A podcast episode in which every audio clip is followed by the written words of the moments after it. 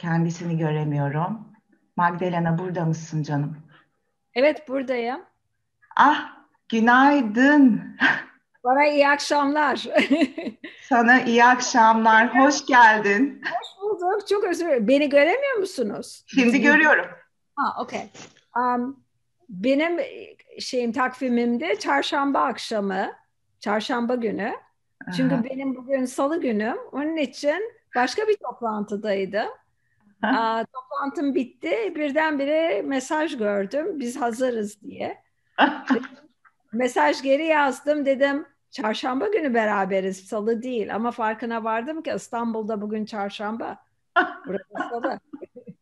Hoş geldin. Hoş bulduk. Çok özür dilerim beklettim. Rica ediyorum. Katılabilmene çok sevindik. Salı e, ve şey e, tabii Çarşamba fark etmez. Hayır hiç fark etmez. Sadece biz seni beklerken meditasyona başlamıştık. Halen bazı arkadaşlar şu an meditasyon yapıyor. E, şeyleri kapalı, mikrofonları kapalı. Sorun değil. Kayda alıyorum ben bunu. Onlar sonra izler. Okay. Evet. Şimdi biz seninle buluşacağız diye farklı e, saat kuşaklarından e, katılımcılarımız var. Amerika'dan da var, İngiltere'den de var, farklı yerlerden. Sabah dörtte kalkıp katılanlar var şu anda İrlanda'dan mesela. Onları beklettim diye çok özür dilerim. Rica ediyorum canım, rica ediyorum. Ne demek? Biz çok memnun olduk. Şimdi arkadaşlar ben e, bir giriş yapıyorum hemen. E, Magdalena e, size e, biliyorsunuz kısa biyosunu gönderdim. E, finansal hizmetler sektörüne hizmet veren bir yapay zeka girişimi olan Informet'in kurucularından biri. Silikon Vadisi'ndeki e, çok önemli e, risk girişim sermayesi e, sermayedarlarından bir tanesi. Kitaplarını biliyorsunuz kitabını göstermiştim. Alfa Girls'ü de göstermiştim size tanıtım yaparken. Evet şimdi e, soru cevap şeklinde gideceğiz. Ben Magdalena çok merak ediyorum. E, şu Amerika'ya göç etme hikayenle başlayabilir miyiz? Yani 17 yaşında ne oldu da sen birdenbire ben Amerika'ya gideyim mi dedin, orada okuyayım mı dedim yoksa böyle hayallerin mi vardı? Şeyi merak ediyorum. Ee, teknolojide ilerleme kararın o zamandan beri mi vardı yoksa hayat seni işte Stanford Üniversitesi ve Endüstri Mühendisliği ha tamam o zaman ben bu formasyonda gideyim mi dedin? O- sizin söylediklerinizin hiçbiri değil. Çünkü benim hayatım hiçbir zaman planlanmış hani ileriyi göreyim de bunu yapayım diyen bir insan değilim. O kadar zeki, o kadar akıllı değilim. Sadece küçük fırsatlar, küçük bir fırsat çıkınca onu değerlendirme, onu onu iyi yapıyorum. Ama bu Amerika'ya gelmem küçük fırsat da değildi. 10 yaşındaydım. Moda Cem Sokak'ta yaşardık. O ev apartmanın arkasında bir küçük avlu gibi bir yer vardı. Orada oynarken aa, annem Karamürsel aa, o vakit Amerikan şey um, Amerikan military askeri yeri vardı. Bilmiyorum hala var mı Karamürsel'de. Onun radyosunu dinliyordu. Onun radyosunda çok heyecanlı sesler geliyordu ve müzik çalmıyorlardı. Müzik çalmadıkları için merak ettim ne oluyor, niçin konuşuyorlar? Çünkü genellikle müzik çalarlardı. Ve heyecanlı sesler sonra anladım ki Amerika bir insanı uzaya göndermiş. Uzayda değil, aya ayak basmışlar. Bana çok enteresan geldi 10 yaşında bir kız olarak.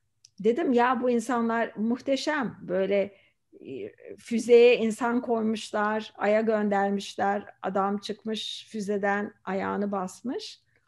Amerika'ya ben de gitmek istiyorum. Çünkü öyle şeyler yapan insanların arasında olmak istiyorum. Belki ben de giderim aya, belki ben de giderim uzaya. Ve o o gün karar verdim gideceğim diye. İlla kafaya koydum. Ve zaten öyle bir çocuk şeyiyle hani konsantrasyonuyla hep onu söylemeye başladım. Herkese büyürsen ne yapacaksın diye sordukları zaman Amerika'ya gideceğim. Belki uzay programına girerim falan diye konuşmaya başladım. Ve oydu yani. Stanford Üniversitesi hayatımda işitmiş değildim. Kaliforniya'yı hayatımda işitmiş değildim. Yani hiçbir şeyi bilmeden sadece bir heyecan yaşamak için. Ondan sonra ortaokul, sonra lise ve lise son sona yaklaşırken um, öğretmenlere sordum işte nasıl üniversite bulabilirim. İki tane üniversiteyi biliyordum isimlerini. Onlara uh, başvurdum. Fakat SAT diye bir imtihan vardı. Hala var. O üniversiteye giriş imtihanı. Bana dediler ki e, o um, organizasyon dedi ki eğer dedi bir üçüncü üniversite ismini koyarsan ona da ekstra ücret yok. Yani bu ödediğin ücretle üç üniversiteye başvurabilirsin. Ben de bir üçüncü um, üniversite ismi buldum. İlk üniversitelerle um, ne derler kafiye yapan mı? Hani rhyme, evet. rhyme'ın hatırlamıyorum. Galiba kafiye. Evet, Neyse. sesi kafiyeli. Evet, o, o üçüncü üniversitenin ismini de koydum. O üniversite beni kabul etti ve öylemesine Chicago'ya geldim ilk sene. Um, geldiğim yeri de pek bilmiyordum. Hiç de iyi bir yer değildi. Çok korkulu bir yerdi. Ben moda ve adalardan geliyorum. Hani herkes herkesi tanır. O vakit e, moda İstanbul çok daha küçük bir şehirdi. Çok büyük şoka girdim. Yani çok pozitif değildi benim Amerika'ya gelmem. Ama biliyordum ki babam dedi ki geri gelemezsin. Geri gelmek istedim. Yok hmm. dedi bir sene orada kalmaya mecbursun çünkü bu senin çocukluk arzundu. Hani hemencecik cayma, iyi bir şey değil caymak. Bir karar verirsen o kararla dur, o kararı tatbik et ve ve o şekilde ilk senemi Chicago'da geçirdim. Anladım, çok güzel, harika gerçekten çocukluk hayalinden buraya. Şimdi sevgili Magdalena, öğrencilerimizin, sevgili katılımcılarımızın bir sürü sorusu var. Ama sorulara geçmeden önce ben bir sorumu daha sormak istiyorum. Ondan sonra onların sorularına geçmek istiyorum.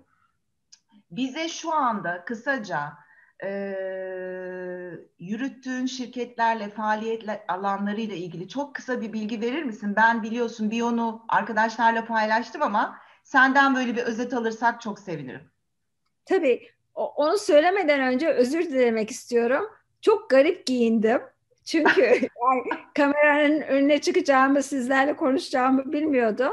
Fakat burada hava soğuk um, ve yani bir soğuk deyince Kaliforniya'da yaşıyorum. Bilmiyorum 8 derece mi 9 derece mi öyle bir şey. Fakat genellikle bizde 16 derece 15 derece. Onun için benim için çok soğuk. Onun için başımda yünlü bere var.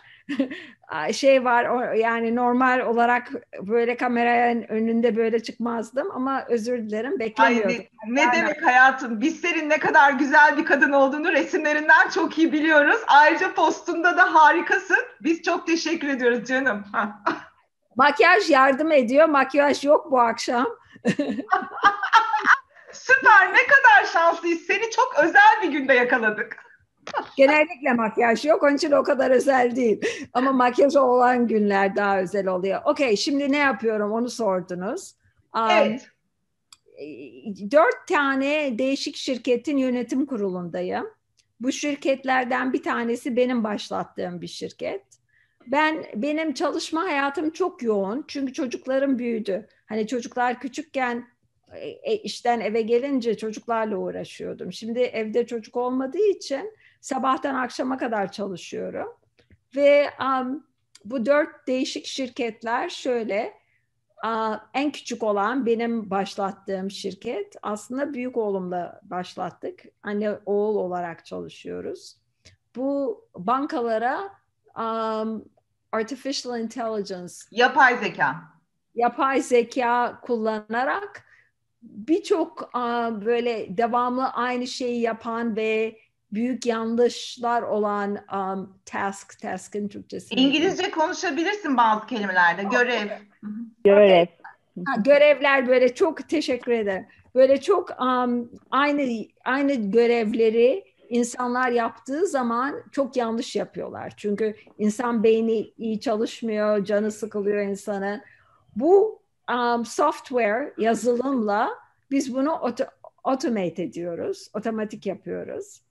Çok korkunç anlattım ama ilk harika bir... anlatıyorsun ne olur. Ben İngilizce anlatsam daha kötü olurdu. İkinci ikinci şirket, ikinci şirket Şimdi zaten o toplantıdaydım oradan çıktım. Adı ne şimdi bu ilk şirketin? İlk şirketin adı Informed. Aha. Okay. İkinci şirketin adı SoFi, S-O-F-I. Uh, SoFi uh, Social Finance. O, o ikinci şirket biz um, bir toplantıdaydım bu akşam çünkü borsaya açılacağız ve onun hazırlığıyla geçiyor. Harika. Bu yeni Tebrikler yeni şimdiden. şey modern banka yani online bank um, eskiden sadece şeyle başlamıştık student loans öğrencilere loan'un Türkçesi neydi? Um, Kredi. Kredi. Hadi. efendim? Öğrenci kredisi. Ha, öğrenci kredisi. Çok teşekkür ederim. Öyle başladı bu şirket.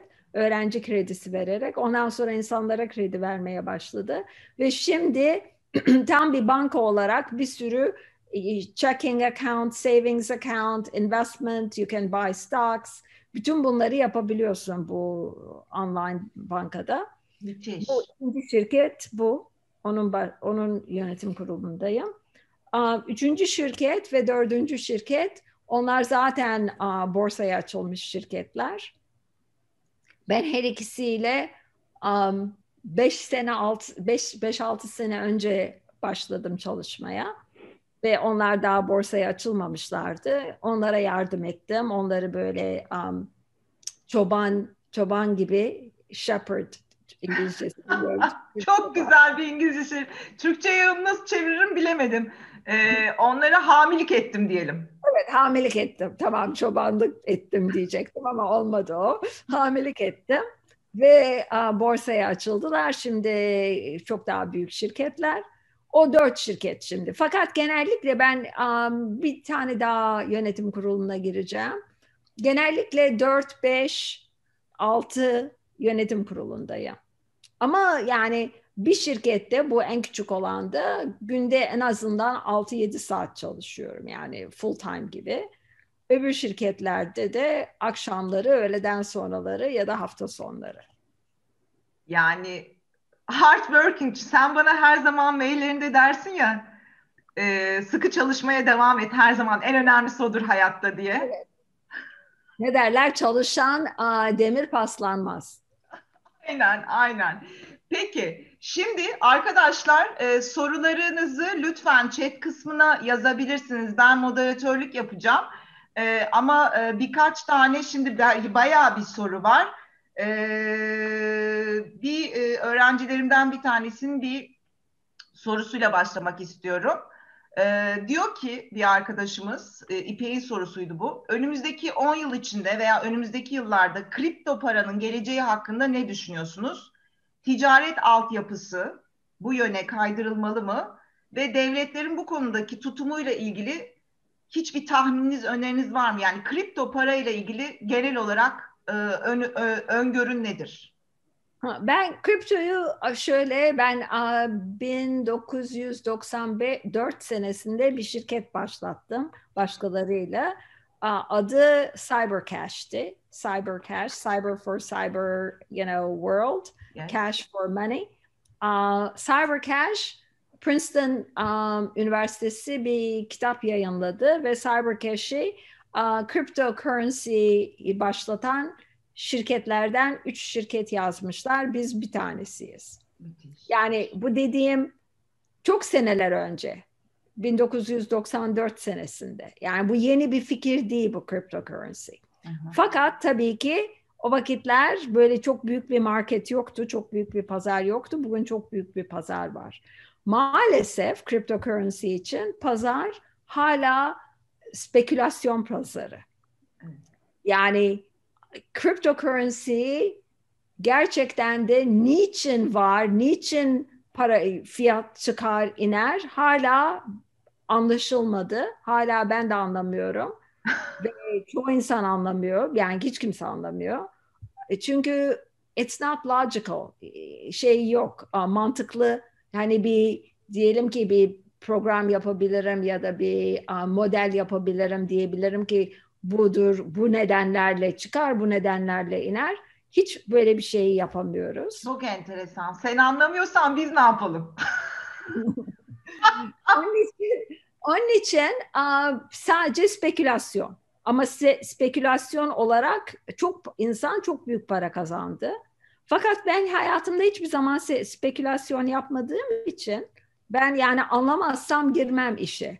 Ne kadar da para kazanacaksam yine girmem. Çünkü benim için en önemlisi bir şeyi anlayabilmem. Kendi fikrimle kavrayabilmem.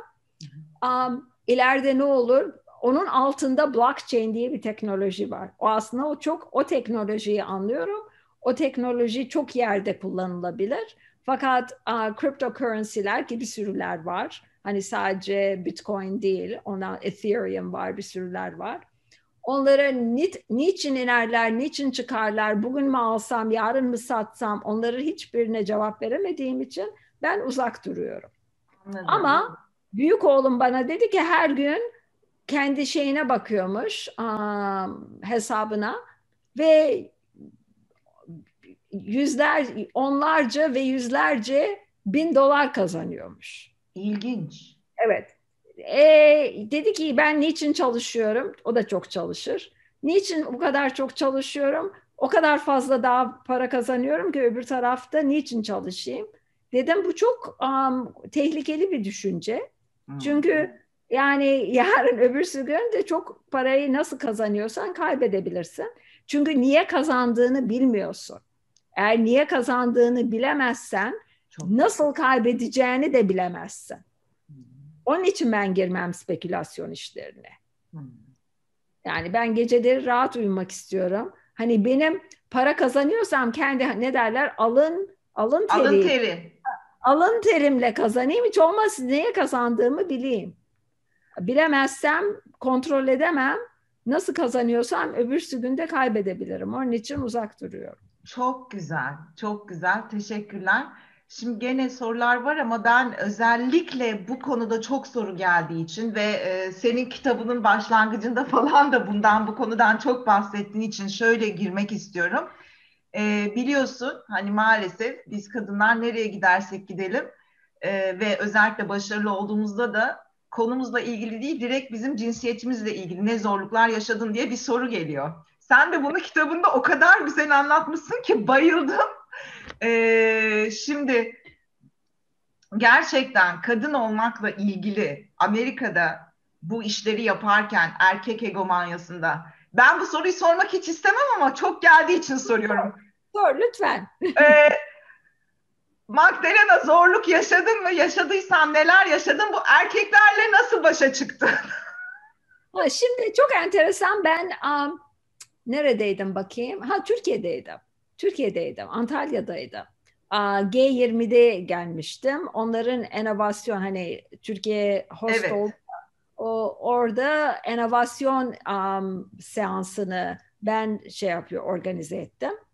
Orada bir soru geldi bana. Dediler ki kadın olmak, teknoloji hayatında, iş hayatında kadın olmak seni nasıl geri tuttu? Yani ne, nasıl seni şey kısıtladı? Hı hı. Ben de dedim ki beni hiç kısıtlamadı. Hı. Tam aksi hatta yani ben gayet rahatlıkla daima ben değişik oldum. Mesela bu akşam başında bere var, renkli bir evet. eşarp var. Erkek olsaydım herhalde bunları koymazdım. Onun için insanlar beni tanıdılar, gördüler, farkına vardılar. Onun için dedim kadın olmak benim için pozitif oldu. Benden sonra bir Alman kadın konuştu. O kadın researchçı, araştırmacı. Gayet güzel bir şekilde benim söylediğimin tam aksini söyledi ama ben sadece kendi eksperyansımdan konuşuyorum. Bu kadın statistiklerle konuştu. Tabii. Nasıl kadınlar um, girişim için para alamıyorlar, nasıl kadınlar değişik yönetim kurullarına giremiyorlar falan falan hepsini statistiklerle anlattı ve belli etti ki kadın olmak gerçekten bir dezavantaj. Ondan sonra bizim session bitti. Yani başka sorular da geldi. Biz e, sahneden yürürken geldi benim kolumu tuttu bu Alman kadın. Dedi ki bak dedi sen niçin başarılısın biliyor musun dedi. Ben dedim bilmiyorum söyle lütfen. Dedi ki sen dedi söylediğine inanıyorsun. Sen inanıyorsun ki kadın olmak seni hiçbir zaman geri tutmadı. Evet. Dedi ona inanmazsaydın kendini geri tutardı. Ama sen öyle bir inançtasın ki diyorsun ki aa kadın olmak aslında bana işime yaradı. Dedi o mantalite çok pozitif. Sen onun için bir sürü şeyleri yapabildin. Ve gerçekten de kadın olmak, kadın olmak aslında çok büyük bir avantaj. Mesela dünyada o kadar enteresan şeyler yapabiliyoruz ki en önemlisi çocuk doğurmak. Yani o ondan ondan daha yüksek bir şey şeref, ondan daha yüksek bir um, durum olamaz ve genç kadınlarla konuşuyorum, yeni bebekleri olanlarla diyorlar ki kendimize yani inanamıyoruz nasıl bizim vücudumuzdan bir bebek çıktı. Ve gerçekten çok muhteşem bir şey. Onun için bence kadın olmak çok avantajlı. Tamam bir sürü toplantılarda belki beni almadılar falan falan. Ha, yani böyle şeyler yaşadın. O tabii ki muhakkak ki yani nasıl yaşamam. Um, ve bugüne kadar yaşıyorum. Bugüne kadar bazı toplantılarda mesela bir adam biz ben bir yönetim kurulundayım. İki tane kadın var bu yönetim kurulunda. Bir adam var. Bir türlü isimlerimizi doğru söyleyemiyor. Kaç sene oldu. Ve öbür kadını karıştırıyor. Hiçbir erkekleri karıştırmıyorlar. Fakat iki tane kadın var. İki tane kadın yani bizim yönetim kurulumuz sekiz kişilik. Altı erkek, iki kadın. İki kadının ismini karıştırıyor bu adam. Evet. Dedim ki senin dedim senin dedim acaba ne blokun var? Yani senin beyninde bir blok var. Bu iki tane ismi doğru dürüst koyamıyorsun. Dedi ki beni psychoanalyze mi edeceksin? Yok dedim. Sen kendini psychoanalyze edeceksin. Ben seni psychoanalyze etmek istemiyorum. Ama et yani bu sende bir blok var. Ve var yani bu bugün yani bu bunu şimdi yaşıyorum. 62 yaşında bir 62 yaşındayım. 62 yaşında olan bir kadın bunu yaşıyor ki ben 20 yaşından beri erkeklerle çalışıyorum. Evet. Yani değişmedi pek. Biraz değişti. Fakat hiç umurumda değil. Bu adam beni ne isimle çağırırsa çağırsın fark etmez. Sadece ben şaka yapıyordum onunla. Önemli olan çağrılmak. Hani ismi, ismi yanlış ta, şey takarsam kafama o adamı kuracağım ve onda çalışamayacağım. Ama eğer benim um, şeyim uh, if my approach eğer benim yaklaşım, yaklaşımın yaklaşımım bu adama karşı hmm, onun problemi benim problemim değil. O karıştırıyor. Ben aa, benim ismim ne olduğunu ben biliyorum. Müthiş. eğer öyle bir yaklaşım olursa o beni yani şey ne derler Türkçe'de pas geçerim. Umurum umursamam ve öyleyim yani. İşte öyle, sen... öyle öyle yaşayabildim. Yoksa ben çünkü mühendisim. Mühendi, elektrik mühendisiyim. O vakitler Türkiye'de daha çok elektrik mühendisi vardı Amerika'da. Amerika'da çok az elektrik mühendisi vardı kadın. Ve yani kadın diyorum e, e, Türkiye'de daha çok elektrik mühendisi female, kadın Aha. elektrik ya çok sağ ol. Gerçekten bu harika bir bakış açısı. Ee, kesinlikle şu an bizim katılımcılarımızın da yüzde doksanı kadın olduğu için kızlar aldınız mı mesajı? Peki şimdi e, önce e, bu e, şeyli e, gene chatten birkaç soru yazıldı ama önce ben bu o şeyi sormak istiyorum. Broadway Angels nedir? Broadway Angels ha ben şey kariyerim şöyle gitti. Anlatacağım ne olduğunu ama önce nasıl Broadway Angels'a geldik onu anlatayım. Önce mühendis olarak çalıştım. Sonra kendim şirketler başlattım. Ondan sonra yatırımcı oldum. Ondan sonra yatırımcı olduğum zaman bütün yatırım şirketlerinde bu teknoloji ne diyorlar? Risk, risk sermayesi. Risk, evet evet. Risk Venture capital'lar. Venture capital. Risk, o, risk o, girişim sermayeleri. Evet, risk girişim sermaye şirketlerinde çok az kadın vardı ve de bir kadın varsa bir tek vardı yani. Bu şirkette bir tane, öbür şirkette bir tane ve yüzde 99 çalıştığım insanlar erkeklerdi. Which is fine, hiç problem yok. Fakat arada bir, senede bir kere kadınlar, kaç kadın varsa bütün sanayide biz toplanıp Hawaii'ye giderdik. Hafta sonuna, cuma akşamı gidip pazar akşamı geri gelirdik. 6 saat uçak yani her um, istikamette o kadar yakın değil. Burada her şey çok uzak. Fakat çok güzel vakit geçirirdik. Harika vakit geçirirdik. Çünkü hepimiz aynı işteyiz ve şimdi kendi cinsimizden insanlarlayız. Evet. Ve bu farkına vardım ki gerçekten bir enter, bir hoşluğu var yani başka kadınlarla konuşmak değişik oluyor. Ve ben kendi sermaye şirketimden ayrıldıktan sonra Broadway Angels'ı kurdum. Broadway Angels ne? Kadınlar risk sermayesinde ya şimdi çalışıyorlar ya eskiden çalışmışlar ya kendi şirketlerini başlatmışlar. Hepsi yatırım yapıyor kendi paralarıyla. Müthiş. Bir gün New York'tan bir adamla konuşuyordum. New York um, şey röportaj yapıyordu benimle. Journalist, gazeteci. Evet, gazeteci. Broadway Angels'dan sor, soruyordu Broadway Angels nedir diye. Ben dedim işte size nasıl anlattımsa böyle. Bunlar risk yatırımcı kadınlar. Herkes kendi yatırımını yapıyor, kendi parasını koyuyor. Bu adam bana dedi ki bu kadınlar kimler dedi. Bu kadınlar dedi şey böyle şirketlerin başkanların karıs, karıları mı dedi. Bunlar dedi yani nasıl bunlarda para olur böyle dedi. Ben dedim ki aa dedim bunlar dedim şirketlerin başkanlarının karıları değil. Hayır tam aksi bunlar şirketlerin başkanlarını işten kovan kadınlar. İşe alan ve işten kovan kadınlar. Yani bunlar böyle kuvvetli kadınlar. Sadece biriyle evlenip de hani onun parasını yiyen kadınlar değil. Bunlar kendi paralarını yapan kadınlar. Adam çok şaşırdı. Şey çok onun için enteresan bir fikirdi. Yani hiç düşünmemişti ki bir 50 tane kadın hep beraber toplanıp kendi paralarını harcıyorlar, sermaye yapıyorlar, sermaye koyuyorlar şirketlere. 50 tane kadın harika. Çok güzelmiş. Valla o kadar ilham veriyorsun ki şimdi sevgili Seniha'nın bir sorusunu okuyorum. Teknoloji şirketlerinde söz sahibi olmak bir kadın olarak Türkiye'de oldukça zor. E, bu konuda e, tavsiyeleriniz var mı? Teknoloji şirketlerinde bir kadın. Hoş, deminden beri bunu anlatıyorsun zaten ama... Ya, ama tavsiyem şöyle aslında her şirkette yani sadece teknolojide değil. Teknoloji bence daha kolay.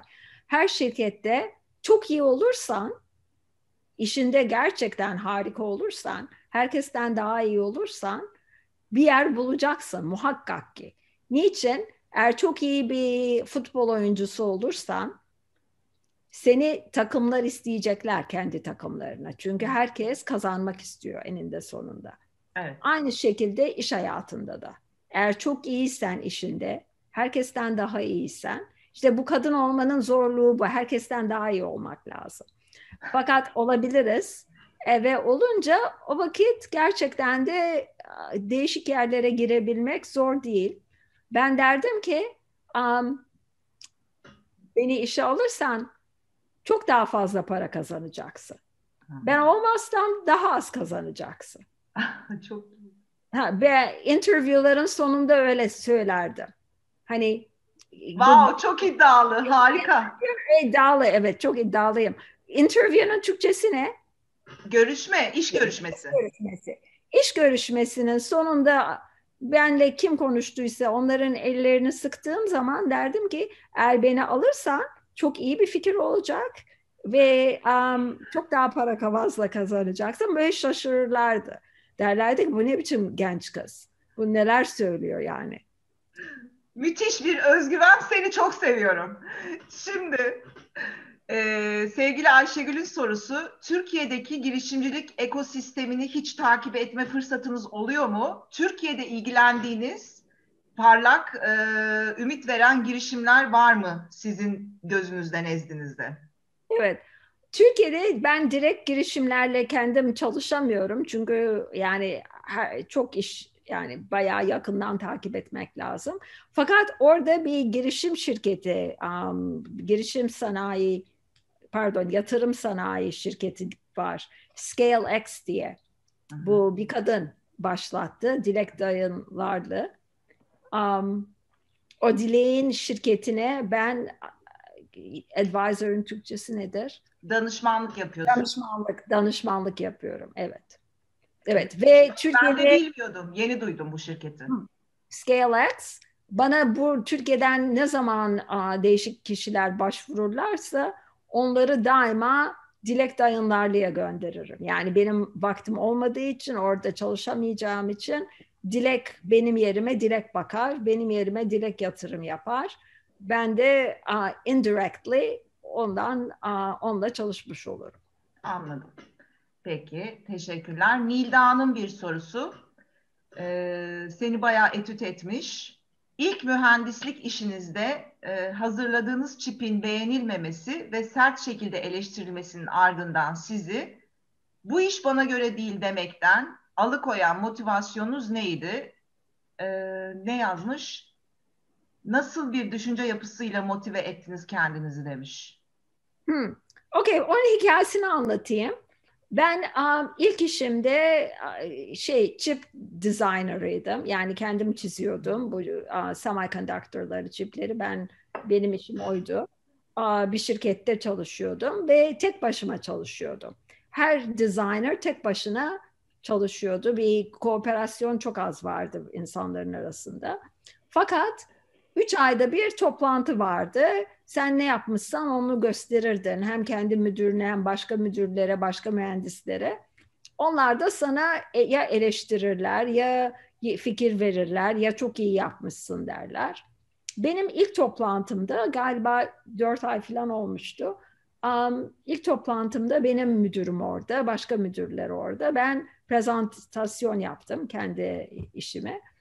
Ve çok kötü, um, çok kötü komentler geri geldi bana. Um, yani bir sürü yanlışlar yapmışım, onları gösterdiler. Uh, dediler ki gerçekten bu yani çalışmayacak, çoğunu yeniden yapman lazım filan. Ben not aldım söylenenleri. Sonra çıktığımızda iş bitince beni müdürüm kendi ofisine çağırdı. Dedi ki gel dedi. Nasıl geçti toplantı sence dedi. Bence dedim çok iyi geçti. Um, harika harika fikirler aldım. Bana çok iyi input verdiler, fikirler verdiler. Bana adam dedi ki ben ve sen aynı odadaydık dedi.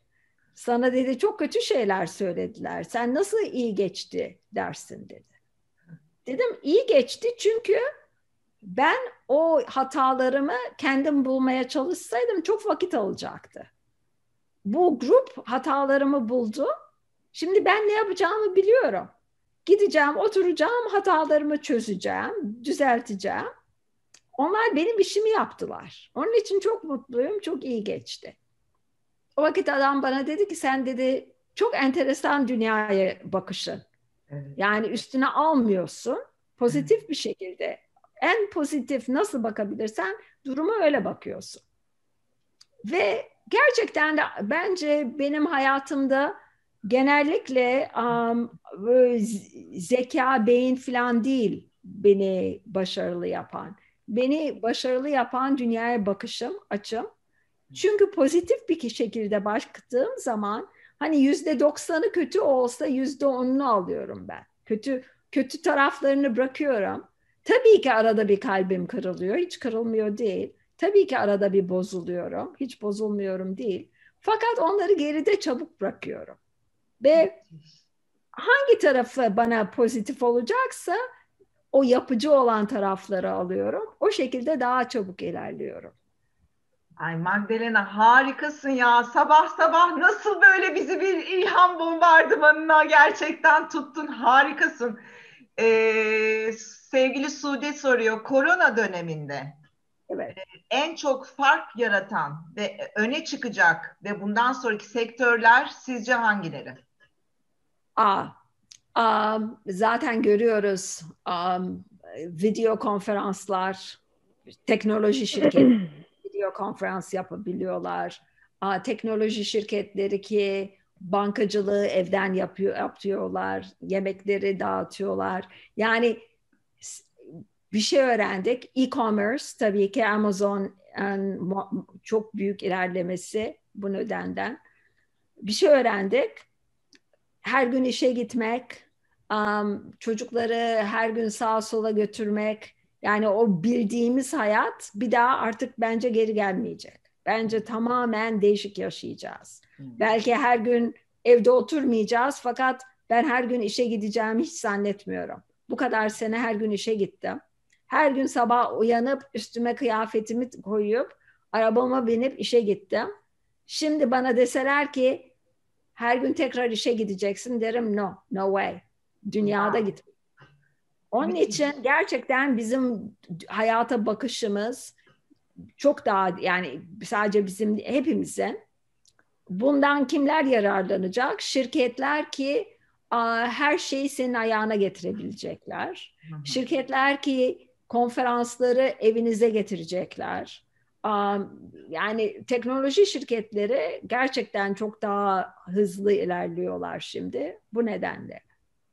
Peki sence well-being, insanların well-being hali yükselecek ve bu konuda da e, bilmiyorum sen well-being halin için harika görünüyorsun. Ne yapıyorsan well-aging ile ilgili bana sonra söyle.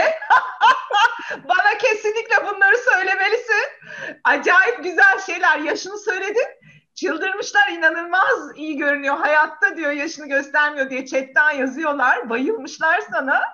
E, well-being ile ilgili ne düşünüyorsun? Sen kendi hayatındaki well-being için bir şey yapıyor musun? Ki yapıyorsun belli. Benim hayatım şöyle fakat önce söyleyeyim bence bu korona döneminin en kötü tarafı insanların um, mental, ruhi ra- şey sıhhati bozuluyor. Psikolojisi. Biz biz sosyal sosyal hayvanlarız. Evet. Yani ben ben bunu kendimde hissediyorum. Hı-hı. Bir annemi sarılıp öpemiyorum. Çocuklarımı sarılıp öpemiyorum. Korku. Acaba oğlumdan şey virüs mü kaparım? Acaba anneme virüs mü veririm?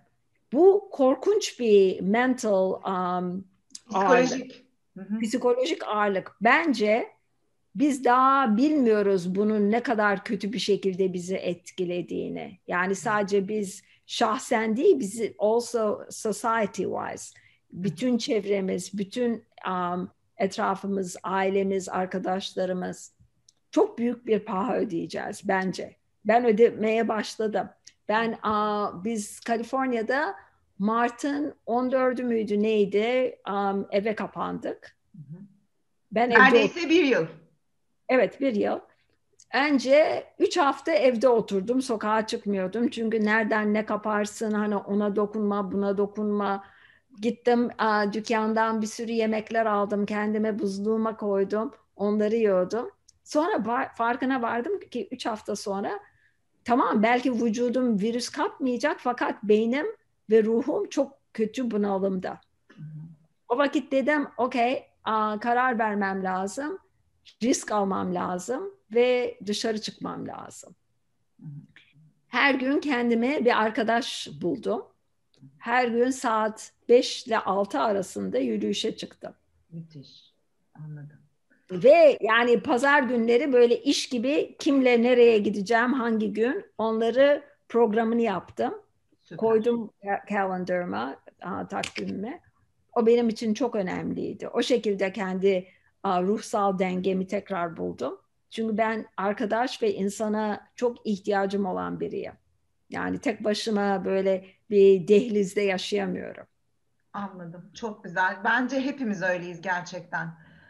Sevgili Gamze'nin bir e, uzmanlık sorusu var. Türk vatandaşı olarak social finance gibi online banking sistemlerinin müşterisi olmamız mümkün mü? Um, onun e, soyad, onun cevabını yüzde yüz bilmiyorum. Tahminim evet. Fakat tabii ki e, vergi konuları o mesela Amerika'da um, faizden fakat Amerika'da Türk um, Türk vatandaşları hesap açabiliyorlar bankalarda. Eğer herhangi bir Amerikan bankasında hesap açabiliyorsan eminim ki social finance'de de hesap açabilirsin. Onun için bir zor zorluk olacağını zannetmiyorum. Yani oturma izni olmadan ve iş olmadan Amerika'daki bankalarda gelip ben turist olarak gelip bir bankaya girip hesap açabiliyor muyum? Ben bunu bilmiyordum gerçekten. Bir adres olman lazım Aha, ve a, pasaportunu getirmen lazım. anladım. Yani şey Amerika'da bir adres vermen lazım. Tamam. Çünkü um, local adres isterler. Ama orada yüzde yüz yaşıyor olmana gerek yok. Müthiş. Ve a, pasaportunu getirmen lazım. Tamam. Ve banka hesabı açabilirsin. Peki. Şimdi gene eee, şeyden Amerika'da yaşayan bir öğrencim Gizem. Eee, onun niye böyle bir soru sorduğunu anlıyorum. Şöyle bir soru sormuş. Eee, Türkiye'den gelmiş olmanız hiç dezavantaj yarattı mı? Um, ne- hayır. Yani Chicago'ya ilk geldiğimde Türkiye'den geldim ve son derece korkulu bir muhitte üniversitem. Bilmiyordum hani kötü şeyler olabileceğini. Bizim Türkiye'de böyle insanlar sokaklarda yani benim yaşadığım zaman tabii şimdi nasıl bilmiyorum ama benim yaşadığım zaman hani sokağa çıktığın zaman hani biri gelip de paranı çalacak, cüzdanını bana ver diyecek falan öyle şeyler olmazdı. Ve Türkiye'den geldiğim için o tip dünyayla nasıl nasıl uğraşacağımı, nasıl kendimi koruyacağımı bilmiyordum. Anladım. O dezavantaj mıydı, değil miydi? Bence değildi. Çünkü çok um, güzel bir yerden, rahat bir yerden geldim. Çok tatsız bir yere. Fakat tatsız yerde bir sene gayet güzel vakit geçirdim. Tatsız yerde nasıl yaşanır onu öğrendim. Kendimi korumayı öğrendim. Onlar çok önemli. Aa, kendime güvenim geldi. Hani insanlar bana bir kötülük yapmaya çalışırsa kendimi nasıl korurum, nasıl için içinden çıkarım onları öğrenmeye mecbur oldum. Ama onu devam ettirmek istemedim. Onun için oradan şey Stanford Üniversitesi'ne geçtim. İlk senem Stanford'da değildim. Ve Stanford çok daha fazla moda, Kadıköy, um, adalar gibiydi. Yani, Adalardan sonra Stanford iyi geldi. evet, adalara benzettim. Çok iyi. Nilda bir soru sormuş. Steve Jobs'un iş teklifini reddettikten sonra hiç pişmanlık duydunuz mu? Duyduysanız bunu yenebildiniz mi? Ya duymadım. Niçin biliyor musunuz? Yani tabii ki muhteşem olurdu. Ben bilmiyorum belki Apple'ın 20. mi 15. mi employee'si olacaktım. Tabii çok çok zevkli. Ama ne pahalar ödeyeceğim bilemem. Yani hiçbir zaman bir şeyi yapmazsan pişman olmak bence akıllıca bir şey değil. Çünkü hani onu yapsaydı ne olacaktı, hayatın nasıl olacaktı bilmiyorsun ki. Onun için Çok neye doğru. pişman olacağını bilmiyorsun. Çok daha kötü şeyler olabilirdi. Çok sevmediğim tatsız bir müdürüm olabilirdi. Yani bilmiyorum. Onun için pişmanlık I cannot um, I can't justify regret. Pişmanlığı kendi beynimde şey yapamıyorum. Yani yerine koyamıyorum. Ay bu müthiş. Ya Yeteri o kadar öyle bir algın yok senin. Pişmanlık diye bir algı yok. yok çünkü yeteri kadarınca bilgim yok. Eğer bilgim olsaydı hani bana daha sonra böyle bir film gördün. Ha, hayatım böyle olacaktı. Tabii. Eğer onu o, olabilse tamam derim. Belki pişman olurum. Belki o daha iyi olacaktı. Evet. Ama bilemiyorum. Ama Onun için- seçimlerimizi yaşıyoruz işte ve bak seçimlerinle şu an hepimize ilham veriyorsun. Hal gene verecektin belki. ama. Benim yani o o yaptığım, o işi almadığım en büyük kaçırdığım fırsat değil. Çok daha büyük fırsatlar kaçırdım sonra. Onu anlatıyorum ama bundan üç sene önce çok büyük bir fırsat kaçırdım. Çok Hayır. merak ettik. Neymiş o? Okey. Çok merak ettik. Onu hiç konuşmuş değilim ama bu şimdi kullandığımız program Zoom. Hı hı, Bu şirket beni yönetim kuruluna girmemi istedi. hı hı, 2018'de. hı hı. 2018'de bunlar hiçbir şey değildiler, çok küçüktüler. Ben şımarıklık ettim ve hayır dedim. Hı hı. Şimdi dünyanın en çabuk büyüyen şirketi oldu. Evet. Eğer girseydim çok zevkli olacaktı onu biliyorum. Ama hayır dedim niye? Kendime özgü nedenlerim vardı. Pişman mıyım? Hayır değilim. Başka bir konferans şirketine. Şöyle diyorum kendime diyorum ki okey onu kaçırdın. Şimdi ondan daha iyisini yapman lazım. Wow, müthiş. Olay, e, büyüyen şirketi bul. Da önümüzdeki 10 senede kendine o şeyi challenge'ı ver. Challenge'ın Türkçesi nedir? Ee, çok güzel. Ee, hedef mi desek? Meydan okuma. Meydan okuma. Tamam meydan okuma. Kendine Mücadele. mücadele. Kendine o mücadeleyi ver. O meydan okumayı ver. Belki yapabilirim, belki yapamam. Ama iyi bir hedef. Harika bir hedef. Sevgili Gamze'den gene bir uzmanlık sorusu. Bu arada 5 dakika içinde, 5-10 dakika içinde kapayacağım. Senin de çok vaktini almak istemiyoruz. Yaklaşık bir saat olacak sanırım. Ee, Türkiye'de tam kapsamlı bireysel finansal planlama alanında ilk şirketi kurdum diyor. Gamze kurdu. Ee, bu konuda faaliyete geçmek üzereyim. Bu konuda tam kapsamlı bireysel finansal planlama konusunda.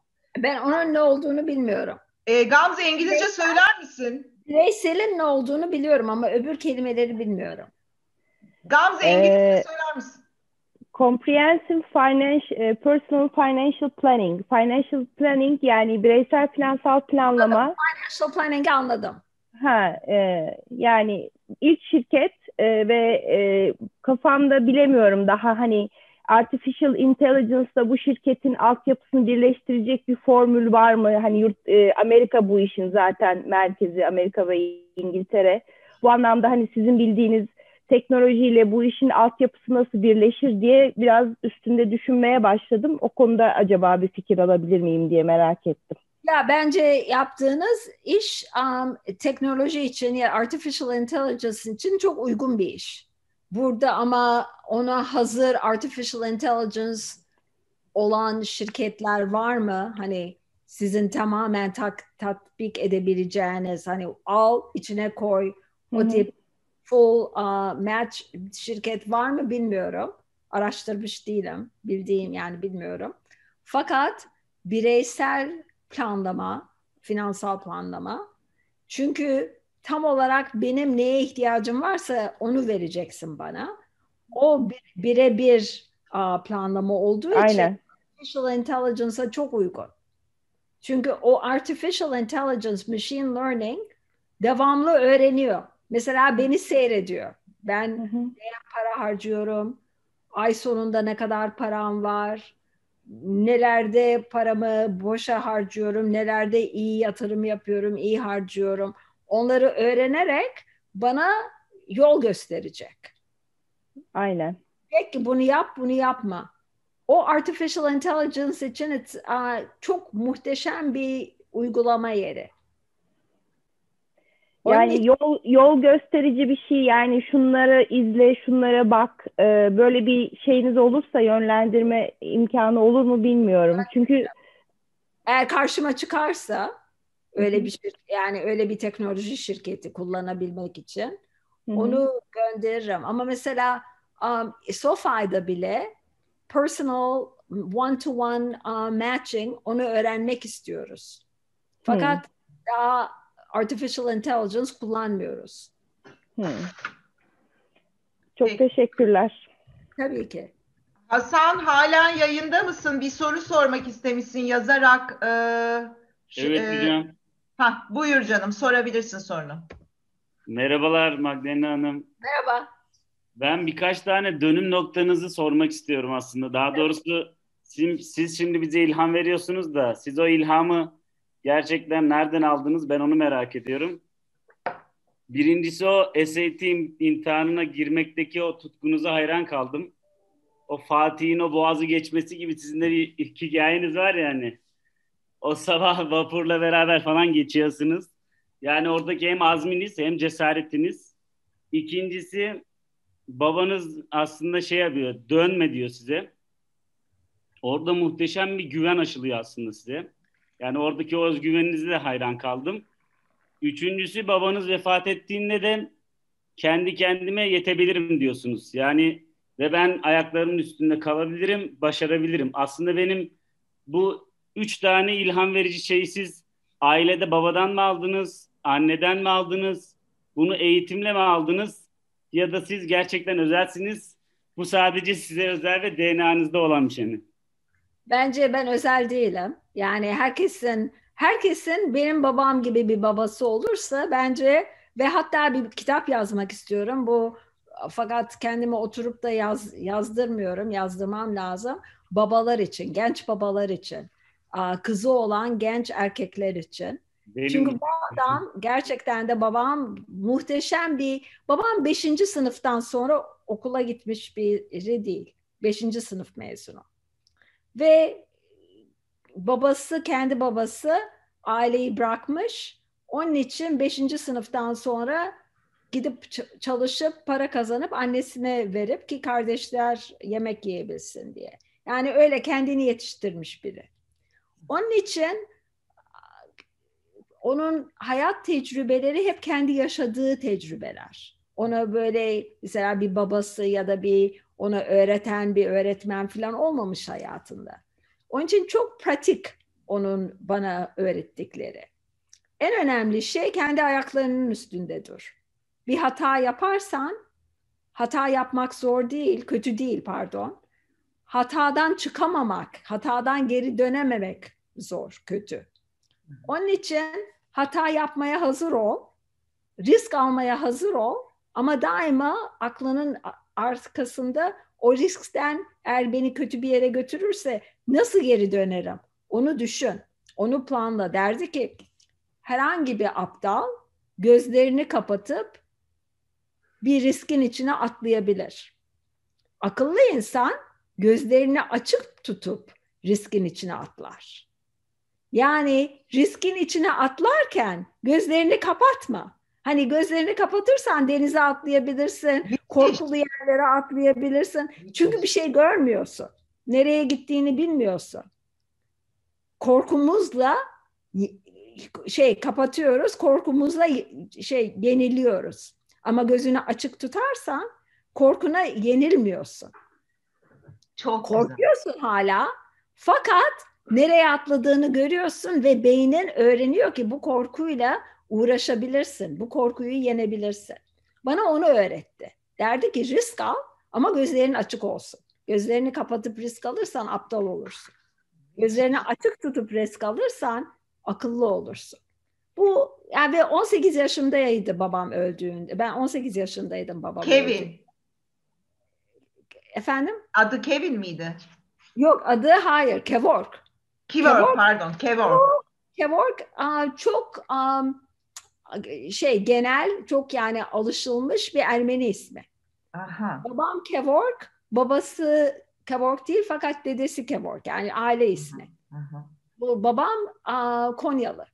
Aha. 18 sene içerisinde bana çok şey öğretti. Çok. Çünkü iki tane kızı oldu. Ben ikinci kızdım. E, oğlu olmadığı için beni oğlu gibi yani ben ben onun oğlu oldum. Ve bana çok şey öğretti. Ve o öğrettikleriyle ben yetindim. Ve babam öldüğü zaman gerçekten çok zordu. Yani çok yakındım babama. Ama dedim ki babam beni bugün için yetiştirdi. Yani bana beni daima yanımda olmak için yetiştirmedi. Beni yalnız erken, erken yani yaşta 18 yaşında erken kaybetmişsin aslında. Evet. Evet. Aslında baba kaybetmek her zaman, anne kaybetmek her zaman zor. Yani 58 de ol, 88 de ol. Tabii 88 olmayacaksın. Fakat yani gerçekten etrafımda arkadaşlarım var. 60'larında baba anne kaybediyorlar ve son derece mahvoluyorlar. Tabii 18'de daha zor çünkü gerçekten kendi ayaklarım üstünde durmaya öğrendim, mecbur oldum. Ne mutlu sana, e, muhteşem bir baba, e, muhteşem bir e, kadın, bir kız yetiştirmiş ve onun arketip enerjisi, babası Magdalena'nın arketip enerjisi belli ki ve halen ilham veriyor. Şimdi son sorumuza geliyoruz sevgili Magdalena. Aslında çok sormak isterim ama bu da, e, da artık daha fazla zaman almak istemem. Broadway Angels'da başarılı olabilecek genç girişimcileri belirlerken hangi özellikleri dikkate alıyorsunuz? Hmm. Um, şu söylediğim gözlerini açıp risk alabiliyorlar mı? Süper. Göz Çünkü hayat hayat yani bilhassa girişimci olmak um, hiç bilmediğin bir yere girmek. Ve hani senden önce gelmiş şirketler nasıl yapmışlar, nasıl problemlerini çözmüşler. Onları çünkü o kadar yeni ki her şeyi yaptığımız her şey yeni. Onlara bakıp da onlardan öğrenemiyorsun. Evet. Onun için kendi yolunu kendin bulman lazım. Hı hı. Risk alacaksın. Bazen çalışır, bazen çalışmaz. Yani yenilmek kötü bir şey değil. Eğer çalışmazsa tekrardan başlarsın, başka bir şey yaparsın. Ama o risk alırken gözlerine bütün problemleri, bütün riskleri anlıyor musun, algılıyor musun? Onlar için planın var mı? Ben onlara bakarım. Bir de ne kadar İngilizce'de derler ki ne kadar aç. Yani karnı tok ne derler? Karnı tok olanı ağırlamak zordur. Çok doğru. Tamam mı? İşte onun için karşıma girişimci gelirse ne kadar aç? Tok mu aç mı? Ona bakarım. Eğer toksa ve parayla alakası yok bunun. Çok zengin olanlar da çok aç olabilir. Parası olmayanlar da tok olabilir. Yani hani daha önceden aa, bu şahsiyetle ilgili. Bazı insanlar ne kadar da para kazansalar hala açlar. Hala başarmak istiyorlar, kazanmak istiyorlar. Ve bazı insanlar da pek o kadar oralı olmuyorlar. Yani diyorlar ki hafta sonu o rahatıma bakayım. Niye çalışayım? Güzel oturayım bir kahve de içeyim. Çok Filan doğru. O da fena bir hayat değil aslında. Güzel bir hayat da ben yapamıyorum. Fena bir hayat değil. Ee, son soru dedim ama burada şimdi gördüm. Ee, çok önemli bir soru gelmiş. Son bu olsun. Sevgili Melis kendin sormak ister misin? Ben buradan okuyayım mı sorunu? Sorarım hemen. Günaydın herkese bu arada. Günaydın. Good evening Magdalena. Ee, Şey çok merak ediyorum. Ee, Benim gerçekten güncel e, kahramanlarımdan birisin. Benim de B2B SaaS Enterprise bir girişimim var. Ee, Şu anda 17 şirketteyiz. 20 bin çalışana ulaşıyoruz ve hızlıca scale ediyoruz. Yani ayda yaklaşık yani geçen ay 3 tane yeni şirket kapattık. Bir önceki ay 2 yeni şirket kapattık. Ee, hızlı da MRR'ımız artıyor. Ben şunu merak ediyorum. Ee, bu scaling'i daha da hızlandırmak için e, yani ne, ne yapabilirim diye kendi kendime soruyorum. Böyle bir self service platformu kursak bir, bir yandan ona devam ediyorum düşünüyorum. Ee, sizin hikayenizde e, o scaling'i bir anda hani Crossing the Chasm diye süper bir kitap var. Ee, onu da okudum. Hani o çazımı geçmek için siz ne yaptınız? Sizin hikayeniz neydi? Oradaki satışı hızlandırmak için. Bunu merak ediyorum. Çok teşekkürler. Thank you. Ya her sefer değişik. Yani hani bir şirkette yaptığım öbür şirkete uygulamak imkansız gibi. Mesela Salesforce'u alalım elimize. Aa, Salesforce ilk başlattığımız zaman direkt satış adamımız yoktu, paramız yoktu. Onun için bütün satışımız telefondaydı. Bütün şirketlere satıyorduk. Fakat o kadar um, sadece aldığımız kişiler, satışa aldığımız kişiler çok genç üniversite mezunları, hiç eksperyansları yok. Onlar telefonda bütün gün hatta şeydeydiler, um, basement, uh, dehliz gibi bir yerdeydiler. Giriş yani katında. Ha, Giriş giriş değil de girişin altı. Hı. Girişin altında cam yok, bir şey yok, hava, ışık yok. Bodrum Aa. katı. Bodrum, Bodrum katında. Onlar orada oturuyorlardı, orada çalışıyorlardı. Okay, gayet iyi ilerliyorduk. Fakat asıl şirketi değiştiren beş kuruşumuz elimize geçince şey- Salesforce yani şirketin adı Salesforce gidip kendimiz insan gayet pahalı fakat çok başarılı olabilecek satış elemanları almaya başladık. Hmm. O tamamen scaling'i değiştirdi. Hmm.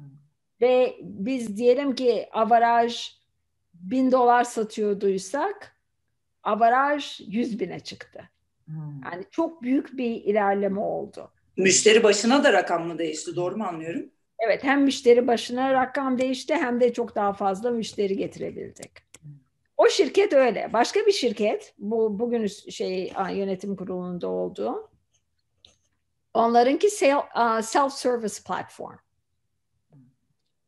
Tamam onlar tam aksi. Yani o Salesforce yok, insanlar yok. Her şey self-service internetten. Fakat mamul çok güzel çalışıyor.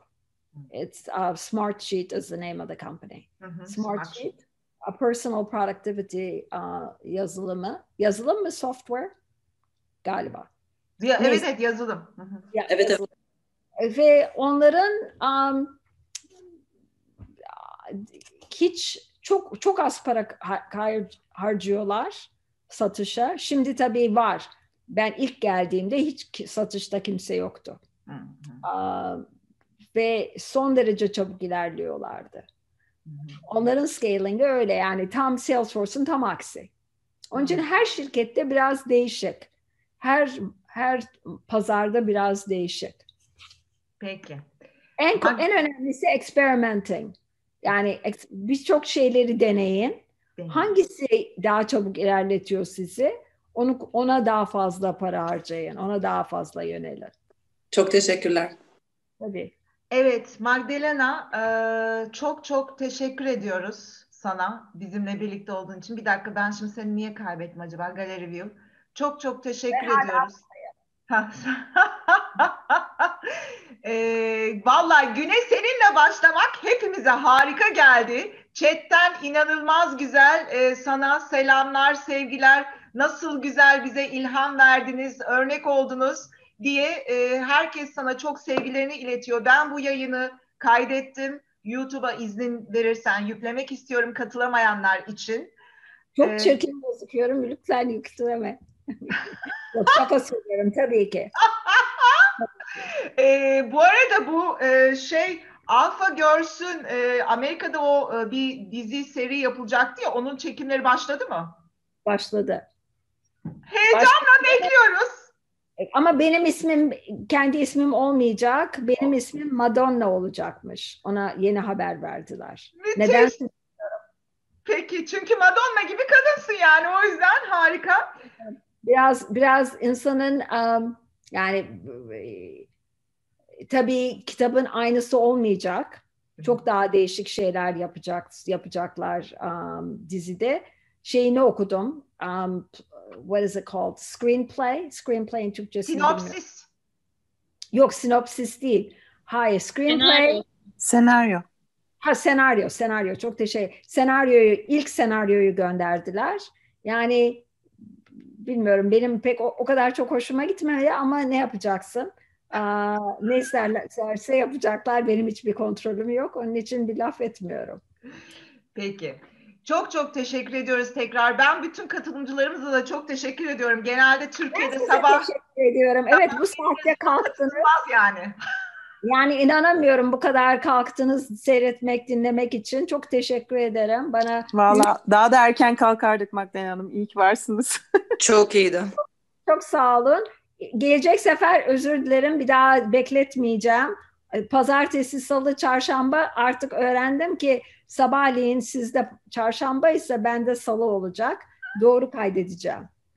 Çok teşekkür ederiz. Sana harika bir akşam diliyoruz. Evdekilere İstanbul'dan hepinize sevgiler. Seni merakla, ilhamla ve sevgiyle takip ediyoruz Magdalena. Benim için birer baklava yiyin lütfen. Oh, süper. Hemen hemen. İyi size, bana da iyi akşamlar. İyi Hoşçakalın. akşamlar. iyi Teşekkürler. akşamlar. Çok teşekkürler. Herkese güzel bir gün olsun arkadaşlar. Teşekkürler. İyi günler, hoşça kalın. Teşekkürler. Harikaydı. İyi günler. Teşekkür ederiz. Ebru'cum çok güzeldi. Teşekkürler. Remziyeciğim ben teşekkür ediyorum. Çok Çok sevgiler. harikaydı hakikaten. Ebru Hocam ya çok teşekkürler. daha bir saat dinlerdik. Ama ne yapalım? Yani şöyle İşte, 20 tane tabii. falan daha sorun vardı ama nerede? Ee, çok evet, evet. Bu teşekkürler hocam. kadarına tabii yine de e, çok iyi oldu. Çok daha çok Öpüyorum teşekkürler. herkese. Güzel günler. Evet. Hocam çok güzel bir gün oldu. Hoşçakalın. Teşekkürler. Teşekkürler, çok güzeldi. Çok teşekkürler.